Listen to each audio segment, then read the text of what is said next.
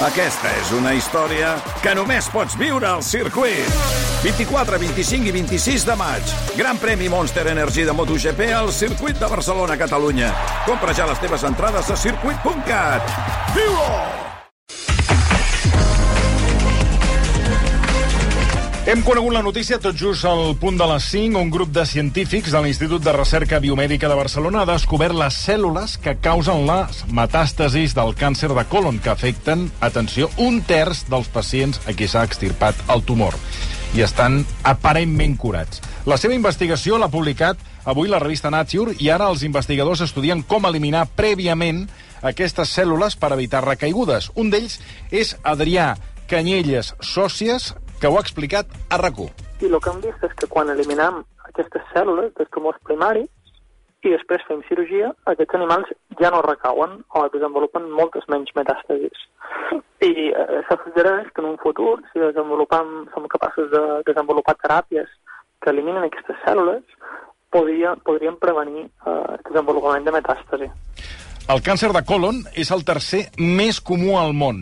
Entre un 20 i un 35% dels pacients, com dèiem, tenen recaigudes i avui en volem parlar, volem eh, eh, profundir sobre aquesta notícia amb el Josep Corbella, periodista de La Vanguardia, especialitzat en ciència i salut. Josep, bona tarda. Molt bona tarda. Bueno, explica'ns què és el que, el que s'ha descobert exactament aquest equip de científics, per cert, torno a subratllar, de l'Institut de Recerca Biomèdica de Barcelona. Doncs mira, primer deixa'm posar-ho en context, i és que en el càncer colorectal, com en altres tumors, hi ha pacients que es fan un primer tractament, eh, s'extirpa el tumor en cirurgia, no queda cap residu visible de tumor al cos, aparentment estan curats, però una part d'aquests, amb el temps, recauen i fan metàstasi. Aleshores, què vol dir això? Doncs que en el moment en què es fa la cirurgia, queden cèl·lules residuals que no es veuen, però que queden al cos. En alguns casos, no en tots. Aleshores, aquestes cèl·lules residuals són molt importants, perquè són les que fan les metàstasis, que al final són, en el cas del càncer de colon, el que causa la gran majoria de les morts, eh, però són molt difícils d'estudiar precisament perquè no es veuen. I a l'equip de recerca de l'Eduard Batlle, l'Institut de Recerca Biomèdica aquí a Barcelona, que per cert està reconegut mundialment com un referent en la biologia dels càncers colorectals, fa cinc anys va acceptar aquest repte de dir anem a buscar les cèl·lules residuals, anem a intentar veure quines són, com són per intentar combatre-les. I el que avui hem presentat aquesta tarda són els resultats d'aquests cinc anys de recerca. Deixa'm fer un apunt, de, perquè vegis també la importància que té de vegades el factor humà en la recerca. El tall de veu que heu posat, que és del primer autor de l'article, l'Adrià la, Canyelles Socies, eh, la seva mare va morir de càncer durant, mentre es feia la recerca i va crear una fundació, la Fundació Magdalena Socies Mollà, per recaptar fons, va recórrer 100 quilòmetres de la Serra de Tramuntana a Mallorca íntegra en 5 dies quan ja estava amb, amb el càncer diagnosticat i, està, i avançat, per recaptar fons. I aquest fons els ha donat a l'Institut de Recerca Biomèdica per recolzar la recerca amb càncer.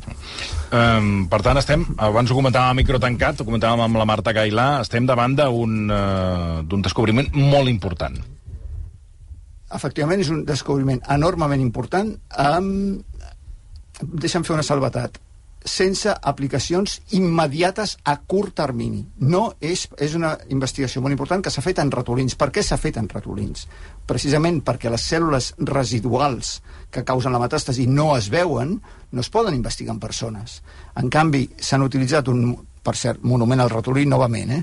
Um, S'han utilitzat un tipus de ratolins que tenen un tipus de tumor molt semblant als humans i molt propensos a fer metàstasis. I això és el que permet desxifrar aquest, tots aquests aspectes biològics que el que han desxifrat és quines són aquestes cèl·lules, com són, com es produeix tot el procés de metàstasi i a partir d'aquí es veuen els punts vulnerables per les quals se les poden atacar a partir d'ara. Mm. Aleshores, que això es converteixi en tractaments pràctics que arribin als pacients requerirà mm. un temps.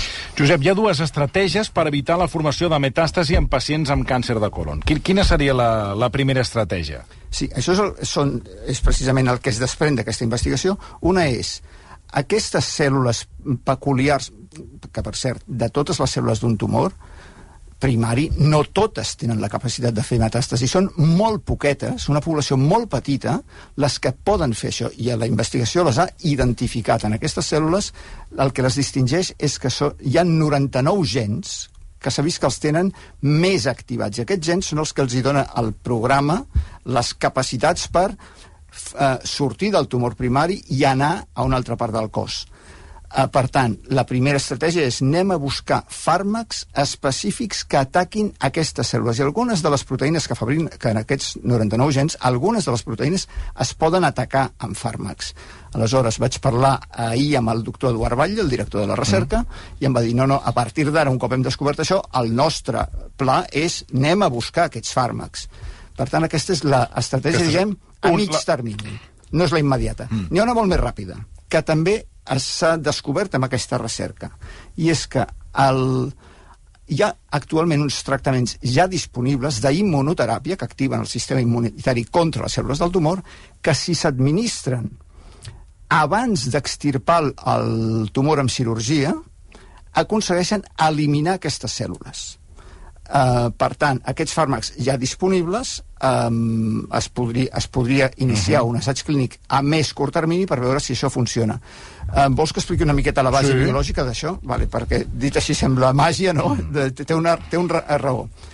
El procés que han descobert de, de com es produeixen aquestes metàstasis és que el que surt del tumor primari no són cèl·lules aïllades, sinó que són com petites eh, són grups de cèl·lules, són cúmuls de cèl·lules, unes quantes que viatgen juntes i que estan enganxades unes a les altres. Són com un mini exèrcit. Efectivament.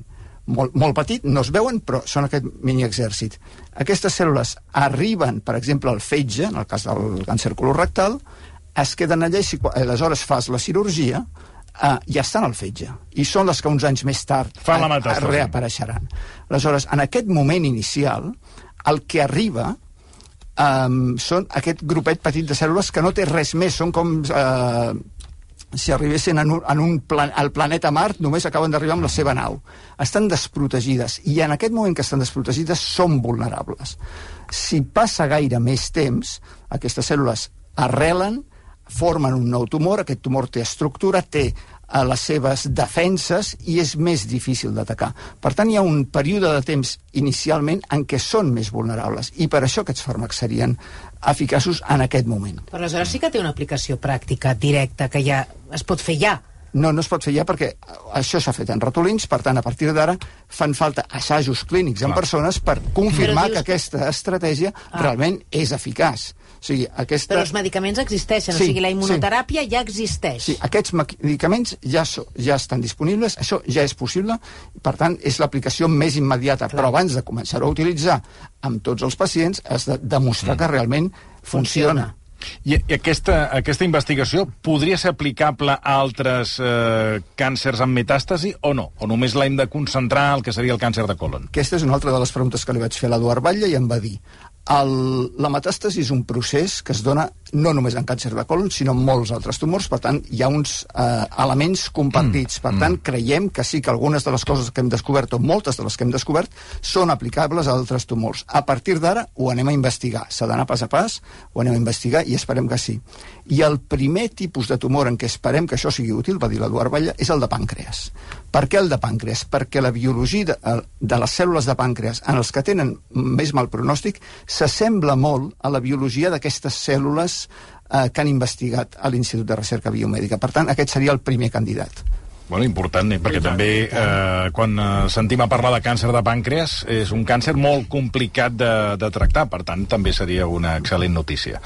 Bé, deixem aquesta qüestió de banda, que està la notícia d'aquesta tarda, la bona notícia d'aquesta tarda, però els que estan pendents de la missió Artemis, aquest eh, llançament de la NASA, surt o no surt? Eh, el que diria Vicenç Martí, entrepitjat... Entrepitjat merda! Perquè la NASA ha tornat a endarrerir el llançament d'Artemis. A veure, eh, Josep, què, què passa? Passa ara? Tenim un nou huracà que està ah, arribant... Un... Sí, un altre cop és un huracà. O sigui, no per problemes tècnics No, no, no. És el la meteorologia. En aquest moment no té cap problema no, no. tècnic, però hi ha l'huracà Nicole, que, està, que arribarà a Florida, a la costa est, que ja és des sí, sí. l'aire en els coets, a les properes hores. Eh, crec l'últim horari que he vist és entre les...